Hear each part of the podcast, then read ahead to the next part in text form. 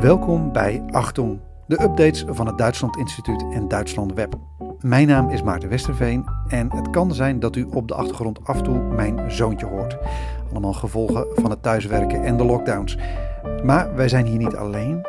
Met mij is natuurlijk Marja Verburg. Marja, welkom. Gaat het weer een beetje bekomen van de verkiezingen? Ik ben daar weer geheel en al van bijgekomen. Onder andere omdat ik een week vakantie heb gehad en die in Berlijn heb doorgebracht. Dus, uh, uh, en ik, het klinkt misschien een beetje hees, maar dat is een verkoudheid die ik daarna in Amsterdam weer heb opgelopen. Maar je bent niet alleen zozeer gegaan, je bent ook teruggegaan, want je hebt daar gestudeerd, je hebt daar gewoond. Ik heb daar tussen 1996, uh, toen was ik daar voor mijn studie, en uh, 2011 steeds weer in periodes uh, gewoond. In totaal een jaar of vijf, zes. En nou ja, ik kom daar normaal gesproken een keer of drie, vier per jaar ook in Berlijn. Nu door corona ben ik er heel weinig geweest. Maar nu in november had ik een week vrij en, en was ik er weer in Berlijn. Tot mijn grote vreugde wat is het moment, wanneer ben je thuis als je terug naar Berlijn komt? Wanneer, wat moet je zien of eten of doen voordat je het gevoel hebt van ja, ik ben er weer? De Fernsehturm. nee, dat is onzin. Nee, het is ook. Nou, ik ben er natuurlijk ook omdat ik mijn vrienden wil uh, bezoeken. En dat is vooral ook uh, heel fijn dat je dan weer bijpraat en uh, mensen ziet. Maar het is ook heel erg. de geschiedenis van de stad, die, die, die, zie je daar nog steeds op straat. Dat, de eerste keer dat ik in Berlijn was, was in 93. Dat is meteen mijn fascinatie. Dat je overigens nog steeds, maar toen helemaal rook je het verschil tussen Oost en West. De kolenkachels, die in het oosten nog veel werden gebruikt in het westen niet. En ook gewoon alles op straat, kogelgaten en muren, uh, de, de, plek waar de muur heeft gelopen. En dat is nog steeds zo. Ik was er op 9 november, dat is de dag van de val van de muur. Toen ben ik expres naar de Bernauer Straße gegaan. Dat is een straat uh, aan de westkant, maar direct, dus zeg maar, daar liep de muur langs de huizen. Dus mensen, toen die muur werd gebouwd, die sprongen uit hun huizen op, op de stoep in het westen. De huizen werden ook heel snel afgebroken. En daar is nu nog steeds heel duidelijk te zien dat die muur daar liep. Meteen ook zie je, de, er zijn ook allemaal uh, dingen geïnstalleerd, zodat je ook echt kan zien hoe dat geweest is. Met geluidsfragmenten en videobeelden en nagebouwde stukken muur. Um, maar dat, daar is ook heel erg duidelijk de absurditeit van een muur in een stad, nog steeds. En dat vind ik heel mooi aan, uh, aan Berlijn. Ja. Uh, en je zei het volgens mij al tussen neus en lippen door. Je was daar niet alleen om te ontspannen en om, uh, en om weer vrienden te bezoeken en die stad nog eens te zien. Ehm, je was daar ook voor een tentoonstelling. Ja, ik was daar. Nou, ik was er vooral, wel vooral om te ontspannen en mijn vrienden te zien. Maar ik ben ook nog naar een tentoonstelling geweest. En dat wilde ik ook heel graag, namelijk Berlin Global. Um, en uh, daar is mijn collega Krijn Thijs in het beginstadium bij betrokken geweest. Uh, Krijn die nu ook in deze podcast meedoet. En dat is een tentoonstelling over de stad Berlijn. in, zeg maar in verhouding tot de wereld. en ik, tot mijn verrassing, want Krijn zei tegen mij: ga er maar gewoon naartoe zonder dat je enigszins voorbereid bent. Maar ik was al bij de presentatie van de tentoonstelling in 2016 met Paul Spies. De, dat is de Nederlandse uh, museumdirecteur die die eh, tentoonstelling heeft opgezet in Berlijn. Uh, maar dat was ik alweer helemaal vergeten, uh, wat hij daar toen allemaal over gezegd Dus ik ben er echt redelijk blanco in gegaan. Um, ja, dat was een fascinerende tentoonstelling. Ja, nou, en daarmee uh, verwelkomen we ook Krijn. Krijn, welkom. Je zat hier al de hele tijd. We, yes, we, we hebben kijk, ja, ik ben er ook. Met, kijk, wij, wij zien elkaar nog, maar voor de luisteraar is het opeens zo. Als het duveltje tevoorschijn komt. luisteraars. Ja. ja, we zijn met z'n drieën. um, um, ja, het, het, is een beetje vals natuurlijk. Uh, uh, Marja die, heb je, die is onbevangen gegaan, maar um, uh, dat zal voor de luisteraar misschien net wat minder zijn, omdat we het hier nu toch over jouw tentoonstelling gaan hebben. Mm -hmm. um, wat, wat, wat was jouw, wat, wat, wou, wat, voor verhaal, wat, voor, wat voor verhaal wil je vertellen met jouw, met ja, tentoonstelling? Het is, het is niet mijn tentoonstelling hoor. Ik heb helemaal in het begin uh, meegedacht over het concept van de tentoonstelling Berlin Globaal. Dat heette in het begin Berlin uh, und die Welt, of ook wel Weltstad Berlin. Dus het thema moest zijn Berlijn en, aan de, en de wereld. Ontzettend groot onderwerp natuurlijk. Uh, en die tentoonstelling wilde ook vernieuwend zijn op allerlei manieren. Qua benadering en qua methode en welke bezoekers er worden aangesproken. Um, en dat heeft heel veel te maken met de achtergronden van die tentoonstelling, waarom die er is en waar die is. Daar zullen we het straks nog wel over hebben. Uh, maar de bedoeling was inderdaad om Berlijn een keer te benaderen, de stad vanuit de wisselwerkingen tussen die enorme en steeds weer veranderende stad Berlijn. En eigenlijk de omgeving van Duitsland, Europa en de wereld. En uh, te denken over mensen, ideeën, goederen, dingen die heen en weer gaan tussen de stad en, uh, en eigenlijk de rest van de planeet. En als je daarover gaat nadenken, dan is dat natuurlijk ontzettend veel. En dat levert dan ook een heel ander perspectief op uh, dan we gewend zijn uh, bij de geschiedenis van Berlijn. Want dat gaat natuurlijk normaal over keizers en koningen en oorlogen en revoluties en arbeiders en de muur en de Koude Oorlog. En dat zit er allemaal nog wel in, maar eigenlijk bijna verstopt of indirect of een beetje aan de rand. En op de voorgrond staan nu ineens hele andere dingen. Uh, ja, waar ook best wel veel discussie dus over is en verrassing bij uh, bezoekers. Wat is jouw eigen band met die stad? Um, nou, die is wel behoorlijk intensief. Uh, ik ben net als Marja tijdens mijn studie geschiedenis in de jaren negentig naar Berlijn gegaan, eigenlijk om er een jaar te studeren. En toen ben ik zes jaar gebleven, omdat het daar zo ontzettend leuk was en interessant. En uh, ik had een ontzettend leuk uh, studieproject waar ik mijn scriptie en later mijn proefschrift over schreef. En ik had een vriendin en ik had een mooi huisje en ik had een leuke bijbaan en er gebeurde van alles in de stad. dus ik heb daar gewoon een, een flink deel van mijn leven doorgebracht. En dus even kijken, vanaf 1998 tot 2004. En toen ik terugkwam, uh, ben ik in Nederland aan de universiteit gaan werken. Uh, dus toen was ik gepromoveerd en dan ben ik college gaan geven over de Duitse geschiedenis. En dat doe ik in feite nog steeds aan het Duitsland Instituut tegenwoordig. Trouwens, dat, eh, dat, dat tijdsvak waarin jij zat, was dat nou, is dat, maar zeg maar, is dat nou ook het, het, het hoogtepunt geweest van dat arm maar sexy Berlijn? ja. ja, achteraf wel, ja. Um, uh, arm maar sexy, ja, dat is, uh, dat is een beetje de tijd dat. Dus Berlijn kwam uit de Duitse eenwording na de val van de muur en wordt nieuwe hoofdstad in de jaren negentig. Er is heel veel uh, dynamiek en de Love Parade en het nieuwe regeringsviertel en de Rijksdag enzovoort enzovoort. Iedereen verwachtte dat Berlijn wel zo binnen een paar jaar de grootste stad van Europa zou worden en heel erg zou groeien en optimistische toekomst en zo dat gaf een, een ontzettende, uh, ja, een, hele productieve spanning en ontzettend leuk om daar te zijn. En tegelijk kwam die zogenaamde Aufschwung, kwam er de hele tijd maar niet in de jaren negentig. Dus eigenlijk kromp de stad op dat moment en er, er was best wel veel werkloosheid. En Berlijn was helemaal geen rijke, uh, welvarende stad in economische zin. Politiek was er ook allemaal gedoe. Dus er was best wel een tegenstelling tussen het culturele leven en het politiek-economische leven toen. En toen is die spreuk van arm aber sexy gekomen. Berlijn is altijd een beetje, ja, een beetje plat zak en zo, maar er gebeuren wel gave dingen. Uh, burgemeester Wowereit, die stond daar zo'n beetje symbool voor. Ja, dat citaat is toch ook van hem, de burgemeester toen, eind jaren negentig? Want dat, vanwege dat, ik bedoel, ik ben er heel lang, ik ging er ook voor een half jaar naartoe en ik ben er heel lang blijven hangen. Vanwege dat sexy, maar vanwege dat arm ben ik op een gegeven moment ook weer vertrokken. Want ik zag al mijn vrienden van voor de bar naar achter de bar verdwijnen. Ik dacht op een gegeven moment. En mijn vrienden in Amsterdam begonnen allemaal te werken inmiddels. Ik denk, ja, als ik echt wat wil, moet ik hier nu weg. Want ja, dat herken banen, ik wel. Dat, ja. dat, is echt een beetje het verhaal misschien wel van onze generatie zelfs. Maar ja, als ik zo onbescheiden mag zijn. Dus studeren heel leuk.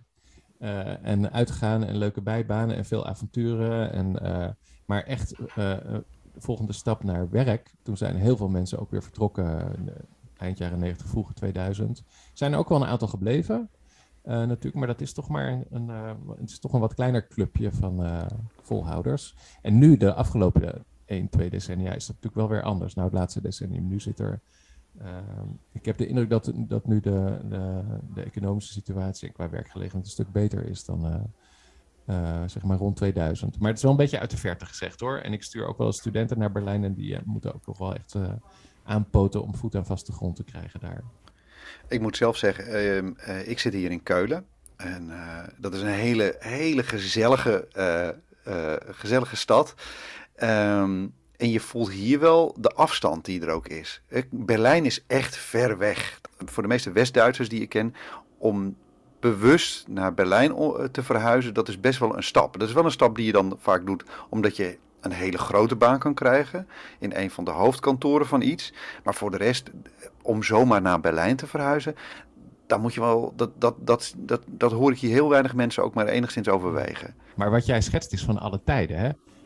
Um, dus uh, de move naar Berlijn, om daar, uh, om wat voor reden dan ook, om weg te gaan uit je, zeker vanuit West-Duitsland, vanuit je vertrouwde en gezettelde omgeving. Of omdat je carrière wil maken, maar net zo vaak juist omdat je helemaal geen carrière meer maakt en je helemaal vastzit. En dan ga je het in Berlijn zoeken. Dat dat ver weg is. Uh, dat is van alle tijden. En uh, zeker vanuit Keulen gezien. Uh, wij vertellen onze studenten altijd over Konrad Adenauer, de eerste kanselier van de Bondsrepubliek die Berlijn maar een soort rare, verre stad vond. Een beetje eng en niet helemaal te vertrouwen. Ook dat lag al op de Aziatische steppen. Dat was meer zo'n beetje Russisch. En het verhaal gaat dat hij altijd als hij met zijn trein naar Berlijn moest... voor wat voor conferentie en wat voor top dan ook... dat hij dan als hij over de Elbe reed... de gordijntjes dicht deed van zijn rijtuig. Want dat hoefde hij niet te zien. Die, die steppen daar van dat, uh, dat zand in de markt Brandenburg. Dat hoorde eigenlijk niet bij het echte geciviliseerde Duitsland. En dat is ook heel erg het beeld van, uh, van de geschiedenis van die stad uiteindelijk uh, ontstaan uit het niks in de 19e eeuw als een enorme industriële, uh, als een soort uh, moloch van fabrieken en arbeiders, zonder traditie, zonder identiteit. Als je dat vergelijkt met Keulen, waar jij nou zit, of heel veel andere, veel oudere West-Duitse steden, dan is Berlijn altijd een beetje de cultuurloze proletenstad met een, met een minderwaardigheidscomplex en een identiteitsprobleem, waar dan zo'n opgeschoten keizer probeert wereldmacht te worden. Is, zijn ze daar ooit overheen gekomen eigenlijk, de Berlijners zelf? Ja, de vraag stellen is een beantwoorden, toch? Uh, dat is een beetje flauw om te zeggen, maar wie gaat hier nou een uitspraak over de Berlijners doen? Uh, kijk, dat Wowerheid, waar we het net over hadden, dat die, die, die, die tekst van arm aber sexy, dat is eigenlijk nog steeds een soort teken ervan dat Berlijn zichzelf moet rechtvaardigen. Hè? Van wat, wie of wat zijn we nou eigenlijk? Wat is onze rol? Wat kunnen we nou? Wat stellen we nou helemaal voor? Nee, we hebben geen geld, maar het is hier wel leuk. Het least is het hier leuk. Kom toch maar deze kant op. Dus je kunt zo. Woverheid is ook, die kan ook misschien wel staan voor een stukje van uh, toch onzekerheid over wat dat grote Berlijn nou is. Terwijl wij natuurlijk vanuit Nederland dan denken, hoezo onzeker in Berlijn? Weet je wat voor gave stad het is? Iedereen wil er studeren, iedereen wil er een tijdje naartoe. Er is een enorme aantrekkingskracht. Um, ja, maar goed, dat heeft ermee te maken dat er altijd zoveel gebeurt en dat het ook zo snel verandert. Hè? Dus het is, uh, er is elke keer weer een soort nieuw, een nieuw gezicht en een nieuw verhaal. Zeker in de 20e eeuw, maar misschien op een bepaalde manier tegenwoordig ook nog wel. Dat brengt ons eigenlijk gewoon heel, heel natuurlijk bij, uh, bij de tentoonstelling dan. Wat probeert Berlin globaal dan eigenlijk ja. te zeggen en te doen? Ja, ik zou het ook wel aardig vinden om uh, van Marja te horen hoe ze dat beleefd heeft, haar, haar bezoek, uh, voordat ik over de bedoeling begin. Want uh, zoals Marja al zei, zij is er redelijk blunt naartoe geweest en stuurde mij alleen maar een appje dat ze twee uur binnen is geweest en dat er zo verschrikkelijk veel te zien is en dat we het er nog over moeten hebben. Ja, ik was wel echt, um, het was sowieso... De, de week dat ik in Berlijn was, was de laatste week dat je gratis naar die tentoonstelling kon.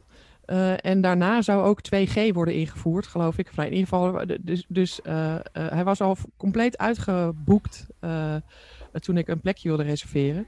Maar ik ben er gewoon heen gegaan en toen bleek het allerlaatste kaartje voor mij nog beschikbaar.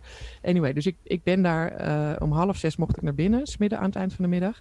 En om acht uur ging het museum dicht. En als dat niet het geval was geweest, dan had ik daar wel drie uur rond kunnen lopen. Want het is echt heel erg veel.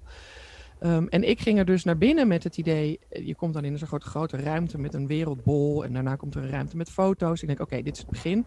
En dan begint zo, zo meteen het chronologische verhaal van Berlijn. En het duurde echt drie of vier ruimtes voordat ik in de gaten kreeg, oh nee, dit was per thema. Dit, gaat, dit is helemaal niet een gewone tentoonstelling. Dit is een tentoonstelling met thema's. Uh, uh, die weergeven hoe Berlijn met de wereld te, te maken heeft. Dat, dat duurde vrij lang voordat ik het in de gaten had. En toen heb ik wel, wat ik er heel tof van vond, dus het zijn thema's als revolutie, uh, vrije ruimte, vrij ruimen in het Duits, oorlog, mode, wat ik heel opvallend vond. Dus niet cultuur, maar mode. En waarom mm -hmm. dan specifiek mode? Maar goed, dat, waarom zie ik dan niet veel over literatuur? Het ging natuurlijk ook over Duitsland, Berlijn als het entertainmentstad, verknugen, het thema.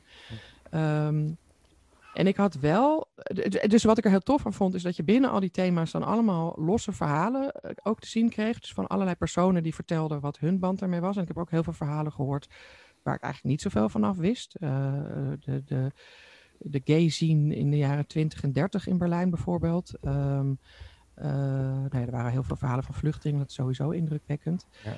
Maar ik had wel aan het eind het gevoel dat het heel erg het het links-liberale beeld van de stad was. Dat, wat ik natuurlijk zei, nou, waar we het net over hadden, arm maar sexy. Het idee toen ik daar zelf in de jaren negentig studeerde ook zo'n beetje van, nou, ik zit in het hippe Berlijn en ik maak allemaal spannende dingen mee. En dat je je ook af waar is eigenlijk het conservatieve deel van Berlijn in de tentoonstelling? Uh, um, want er zijn natuurlijk hele andere Berlijnen. En het is ook wennen als historicus, en misschien ben ik daar ook een beetje conservatief in.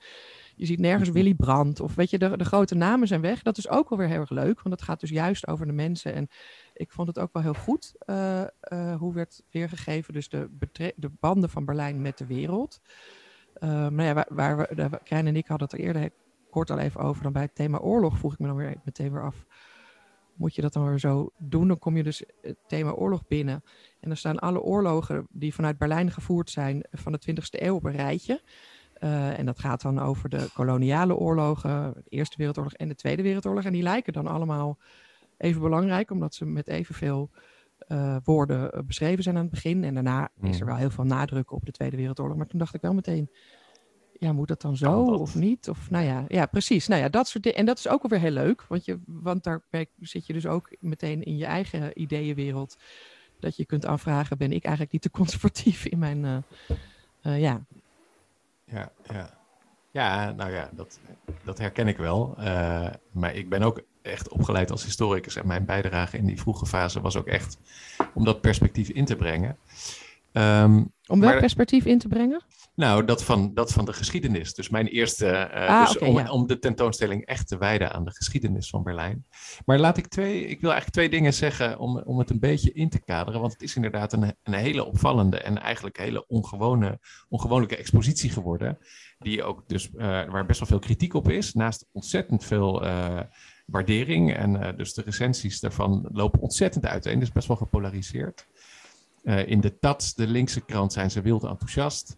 En in de, uh, in de Frankfurter Allgemeine en een aantal andere wat, wat conservatievere kranten uh, fronsen ze alleen maar de wenkbrauwen. En wat is dit? Dus misschien is het goed om te weten, eigenlijk twee dingen. Dus waar vindt die, uh, die tentoonstelling plaats? Dat is in het Humboldt Forum. Dat enorme, opnieuw opgebouwde Pruisische stadsslot wat gewijd is aan wereldculturen midden in het hart van Berlijn.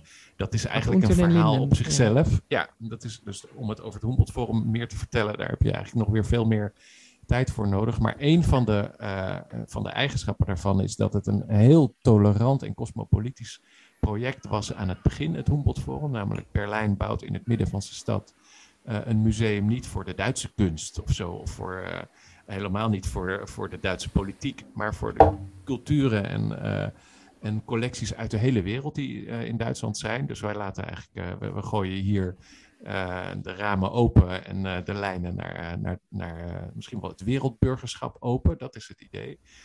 En nu het af is, domineert heel erg de, de, de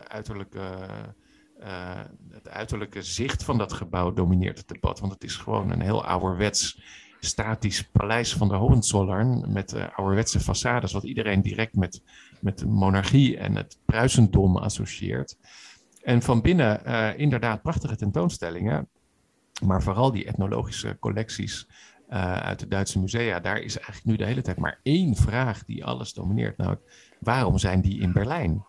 Uh, hoe zijn die spullen ooit in de koloniale tijd in Berlijn in de metropool terechtgekomen? En dat is natuurlijk een ontzettend kritisch debat, wat ook in Frankrijk en Nederland zo wordt gevoerd. Uh, nou ja, en, en, moet het niet worden terug, uh, teruggegeven? Precies, dus is dat ja. eigenlijk wel legitiem? En waarom wordt dat in Berlijn zo trots tentoongesteld? En wat zegt dat eigenlijk over onze relaties met de wereld?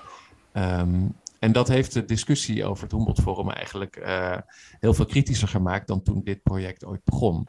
En zo wordt er ook gekeken naar Berlin und die Welt. Of deze specifieke tentoonstelling over de stadsgeschiedenis, die is op één verdieping reusachtig in dit enorme gebouw. Het zijn 4000 vierkante meter. Dan weet je hoe ontzettend groot dat is om daar één tentoonstelling voor te verzinnen. Al die zalen, en, en daar als bezoeker helemaal doorheen te moeten. Ja, ja, dus zelfs als je gewoon rustig wandelt, heb je al een half uur nodig om van de een naar de andere kant zonder te stoppen, bij wijze van spreken. Uh, het is heel groot. Uh, dus dat is één. Dus deze context vormt heel erg van: oké, wat moet je dan als stad Berlijn en als museummaker van vandaag, wat wil je daar dan laten zien? Daar ging het in het begin heel erg over. En het tweede bijzondere is uh, dat ze daar een Nederlandse museumdirecteur voor hebben uitgenodigd om dat vorm te geven. Omdat Nederland op het moment toonaangevend is in vragen van musea en presentatie. Er zijn heel veel Nederlandse museums, directeur ook in Berlijn. Um, Paul Spies, die kwam van het Amsterdam Museum, is nu bij het Berlin Museum en hij werd uh, eigenlijk de chef van deze tentoonstelling. En hij maakte een team in het begin van mensen om. Hij had verder geen verstand van Berlijn, wel van musea, goede musea maken. Dus in zijn team heb ik in het begin een beetje meegedraaid om na te denken over hoe dat eruit zou kunnen zien. Um, dus dat is zo. En mijn insteek was ook heel historisch. Wat Marja ook zegt, goed, dan gaan we hier de geschiedenis van Berlijn vertellen. Kijken hoe Berlijn uh, met de wereld uh, ja, door, eh, eigenlijk een soort interactie heeft beleefd in de afgelopen twee eeuwen. Chronologisch het liefst, dus ook langs de oorlogen, langs de Weimar Republiek en de Koude Oorlog. Dan is Berlijn weer wereldtoneel. Dat was mijn idee, maar dat werd meteen van tafel geveegd in het begin. Van nee jongens, Krijn, zo zou een historicus dat doen. Maar wij gaan hier een tentoonstelling maken voor alle mensen. Niet alleen voor academici die tekstjes willen lezen.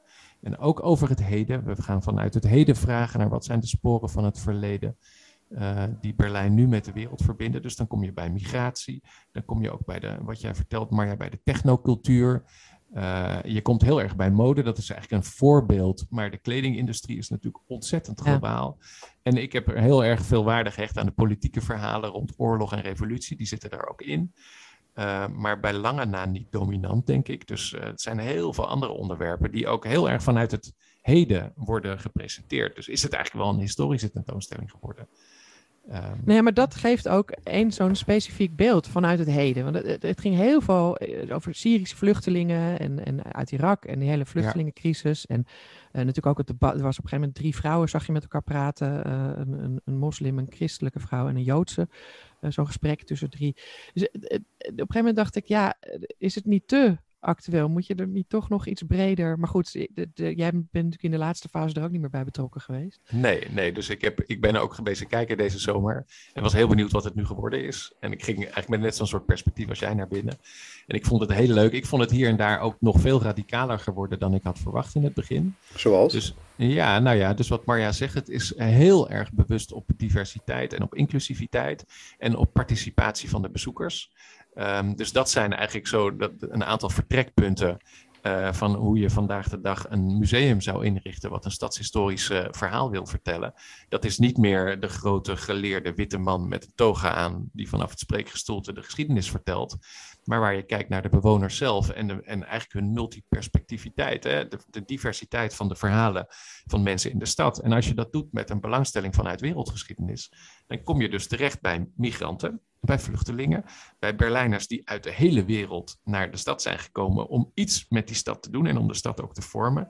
Het klassieke verhaal, dat waren altijd migranten uit Keulen, Maarten bijvoorbeeld, die dan kwamen werken vroeger in de 19e eeuw of iets van een politiek programma kwamen uitvoeren. Maar dat gaat nu natuurlijk veel verder. En deze tentoonstelling wil heel bewust en misschien ook wel een tikkeltje geforceerd ehm, dat in beeld brengen. Juist op die plek in het Humboldt Forum, waar op de andere verdiepingen de collecties uit Afrika en eh, Zuid-Amerika en Oceanië staan. Met dubieuze geschiedenissen, want die zijn er allemaal in koloniale context en met het leger mee naar Berlijn gekomen. En Berlin und die Welt zet zich eigenlijk binnen datzelfde gebouw een beetje daarvan af. En wil zeggen, oké, maar nu kijken we gewoon naar de bevolking in de stad Berlijn. Welke mensen zijn hier allemaal? Wat is hun geschiedenis? En waar komen echt de kleren vandaan die wij allemaal dragen? Komen die ook niet van de andere kant van de wereld? En zijn er niet ook heel veel gewelddadige conflicten geweest die Berlijn verbonden hebben met andere delen van de wereld, bijvoorbeeld via bezettingslegers enzovoort, ook in de koloniale tijd?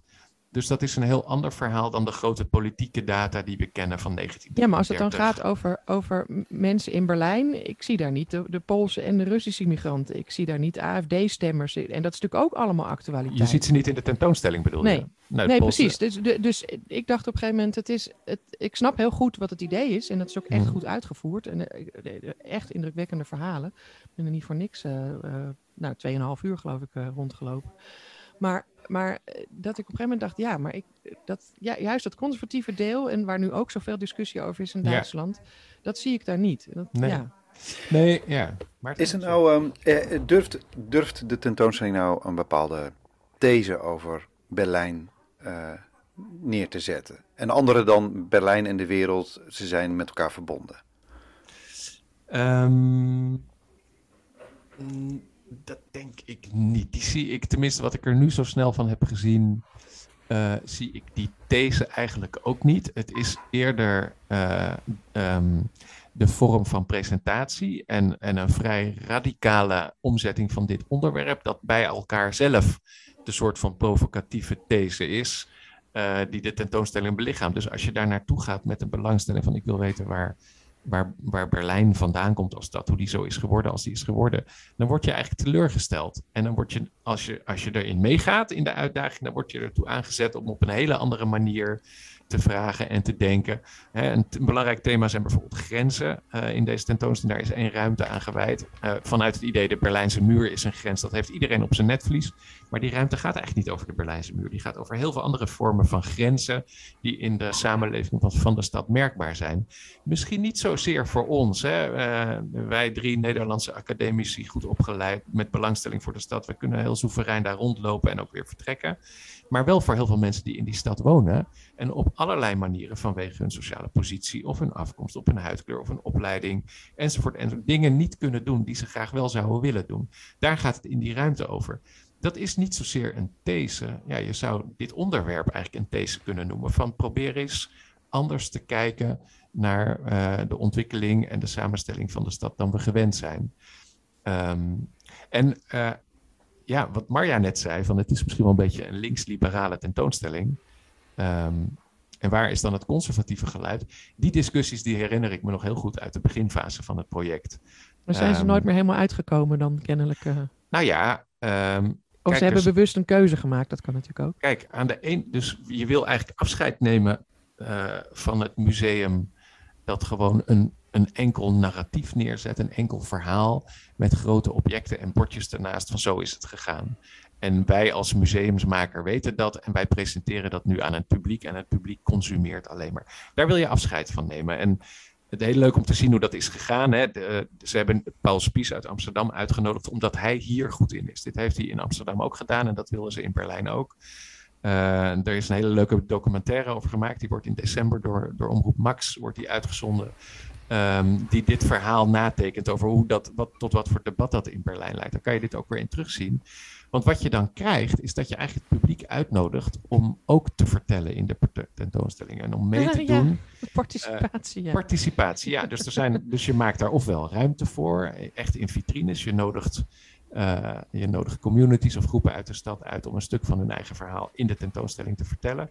Of je nodigt gewoon de bezoeker uit om hier en daar uh, interactie aan te gaan. Dus aan een schermpje of, of op een briefje iets schrijven en het aan nee, een muur plakken. het was nog veel high-techer. Je kreeg aan het begin een armbandje. En elke keer als je een nieuwe ruimte inging, moest je door twee uh, poorten. Dus. En dan moest je een keuze maken. En ik weet nog, bij de eerste heb ik meteen al tien minuten gestaan van wat, ja, wat moet ik hier nou mee? Dan, ik, ik wil een open stad, ik wil een sociale stad. En ik denk, ja, dit is voor mij helemaal geen tegenstelling. Ik wil het allebei, maar ja, je moet dus door een van die poortjes door. En aan het eind krijg je dan te zien welke keuzes je hebt gemaakt en uh, hoe die zich verhouden tot keuzes die andere mensen hebben gemaakt. En de bedoeling is dat je dan op het eind met elkaar in die ruimte waar je dan je uitslag krijgt, met elkaar in discussie gaat. Maar dat kon niet, want het was corona en iedereen moest uh, de zaal weer verlaten. Um, maar wat jij net zei, Krijn, want ik was dus nee, in 2006... Dus je klinkt een beetje sceptisch, maar ja, klopt dat? Nee, nou, nee, ik vind dat op zich heel erg leuk, dat soort participatie. En je moest inderdaad bij een aantal dingen ook van, in het ruimte revolutie geloof ik, van wat zou jij nou hebben gedaan in die situatie? Of uh, hoe, hoe, stel jij je op ten opzichte van gebeurtenissen? Ben je, een, uh, uh, ben je iemand die dan helpt? Of ben je iemand die toeschouwt? Of, nee, dus je wordt wel echt verplicht om ook over je eigen... Uh, houding uh, na te ja, denken. Dus je geprobeerd om de, bezoek, bezoeker ietsje actiever te krijgen. Ja. Hè? Dus niet alleen maar te consumeren, maar iets op jezelf te betrekken. Um, nou ja, precies. En daar ben ik op zich een groot voorstander van. Ik had alleen maar een aantal van die keuzes. Dat ik dacht, ja, hier, hier kan Beetje ik Goed, dat zegt iets uh, het, het, weer misschien over mij. Maar wat jij net Hmm. zei, Krijn, want ik heb dus... Bleek achteraf, was ik in 2016 bij de presentatie in Berlijn uh, van Paul Spies en wat hij van plan was met het museum. En toen heeft hij ook gezegd, we willen samen niet zozeer een museum maken als wel een forum. Mhm. En, dat, en dat, als je je dat bedenkt, maar dat was ik dus helemaal vergeten toen ik daar doorheen liep. Uh, dan, dan, klopt het wel. Het is ook een soort forum. En dan kun je nog steeds kritiek en hebben dat vergt over... eigenlijk wat anders hè, van de bezoeker. Dus dan Ja. moet je eigenlijk uh, niet aan het eind van de dag al een beetje moe daar naartoe en, uh, en dat consumeren. Dan moet je eigenlijk echt in quality time over een aantal vraagstukken van vandaag de dag gaan nadenken. uh, en zelfreflectie bedrijven. Klopt dat? Ja. Ja, en, en dat is ook echt heel tof. Uh, zo moe was ik trouwens niet, want ik had vakantie. Dus maar, oh, ja. maar, um, maar misschien wat uh, veel gevraagd, ja? Voor, nou, voor... Het, het, was, het was sowieso, want ik wilde alles zien. Ik denk dat je er gewoon, misschien moet je er wel twee of drie keer naartoe. Of je moet van ja. tevoren bedenken, ik doe alleen die of die ruimte. Of, of je doet het wat globaler. Ik had zeker aan het begin de neiging om overal op alle dingen te klikken en alle filmpjes te zien. Um, nee, dus dat is op zich wel heel goed. Nee, het is gewoon op zich heel goed. Ja, maar het is toch, toch een soort. Uh, want dus die vraag van wat is nou de these of is het niet te radicaal geworden? Um, er zit een soort paradox in die ambitie van. Uh, we willen de bezoekers erbij betrekken en ook het verhaal van, van alle Berlijners ruimte geven. En dat kan je eigenlijk aan het eind, denk ik, toch niet helemaal waarmaken. Want nee. uiteraard is het thema Berlin und die Welt en de belangstelling voor de interactie met de omgeving is, een, is ook uh, een, een, heel beladen thema. Het is ook politiek een heel beladen thema. Um, en, um, en in die zin is dit inderdaad een soort links-liberale invalshoek op de geschiedenis van de stad voor. Uh, voor, ik denk, opgeleid publiek uh, en, in, en in een soort cultuurtempel die ook een soort elitair karakter heeft.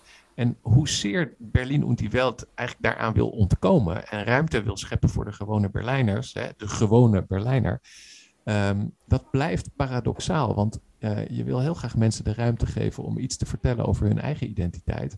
Maar als nou de keiharde AFD-stemmer, Alternatieve voor Duitsland, of de rechtspopulist, uh, of de mensen die helemaal geen weltoffenis wereldbeeld hebben, maar die gewoon uh, Duitse trots en glorie willen zien in het museum.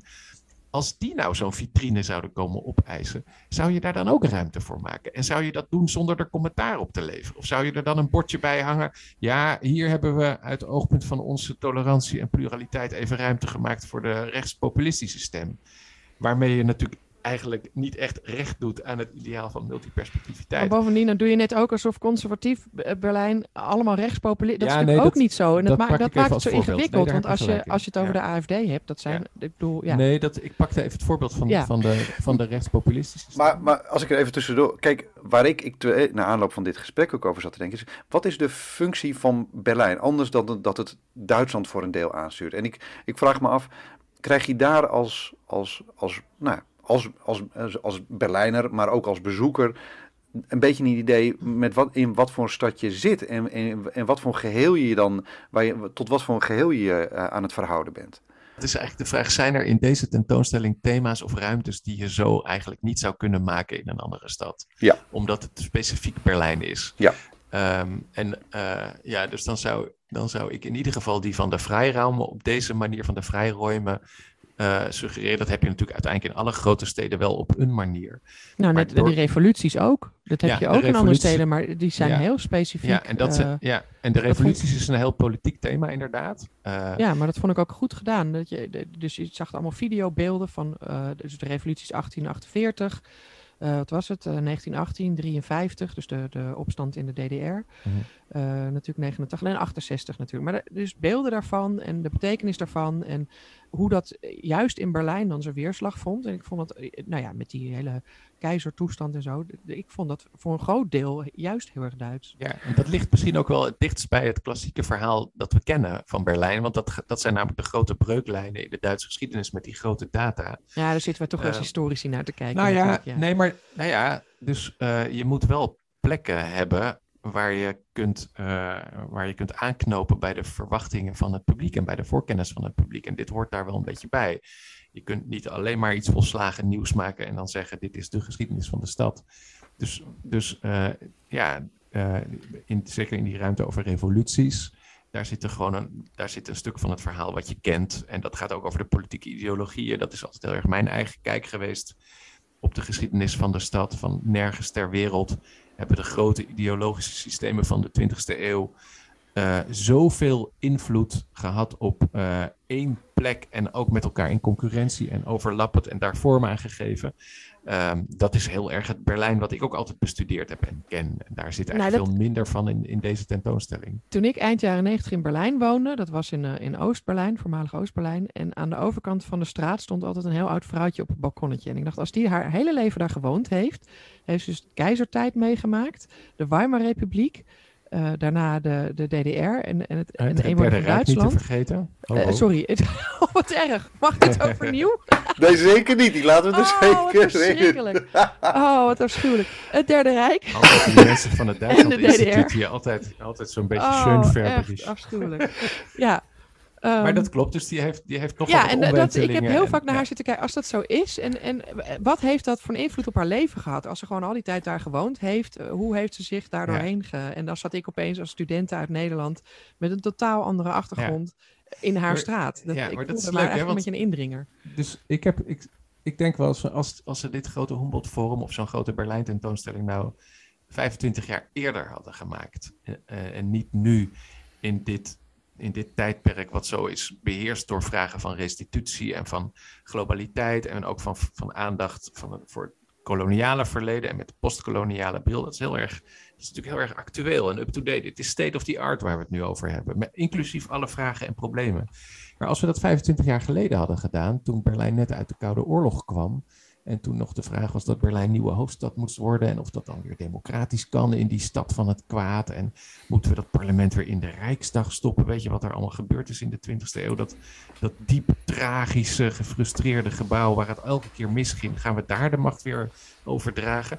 Als we, zo, als we het toen hadden gedaan, dan hadden we waarschijnlijk die vragen opgepakt die Marja nu stelt. Namelijk kijken naar hoe is eigenlijk uh, de, de ervaringswereld, dus een beetje het reservoir aan verhalen en belevenissen dat mensen in Berlijn hebben meegemaakt aan het eind van de 20e eeuw daaruit gekomen? Hoe ziet dat er nu uit? En dan, dan zouden we in gesprek zijn gegaan met mensen die dit kunnen vertellen. Al die breuken en die concurrentie tussen de grote verhalen en een enorme dominantie van het politieke en de ideologie. Eh, de DDR als een groot mislukt ideologisch project wat op een dictatuur is uitgedraaid.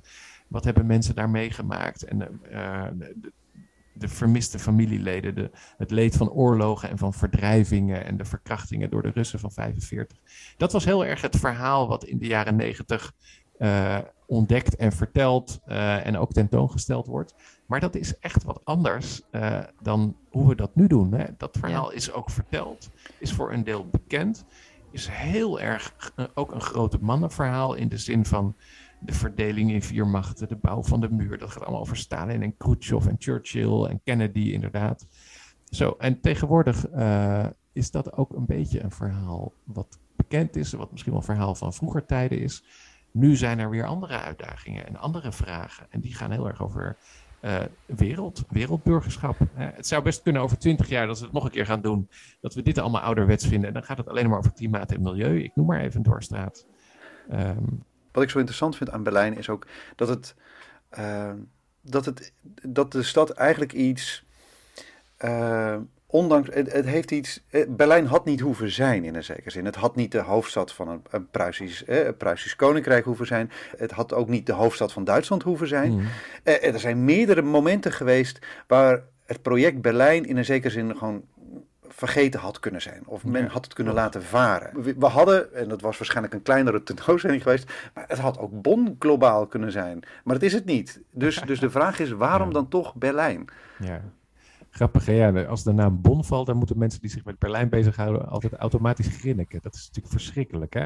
Eigenlijk. Ehm, ik heb dat dus uh, die ene, die ene, dat ene parlementsdebat uh, in 1991, waarbij het parlement er toch voor koos om Berlijn ook weer tot zetel van, het, van de regering te maken. Er waren maar een paar stemmen verschil. Daar hing, dat was echt uh, krap erop of eronder. En dan, en dan had uh, Merkel al die tijd vanuit Bonn onderhandeld met Poetin en met Erdogan enzovoort. Dat was helemaal niet zo, had helemaal niet zo heel veel gescheeld. Um, Nee, dus aan de ene kant heeft dit natuurlijk gewoon te maken met het verloop van de geschiedenis zelf. Het is helemaal niet zo moeilijk om een aantal van die wissels in de geschiedenis aan te wijzen.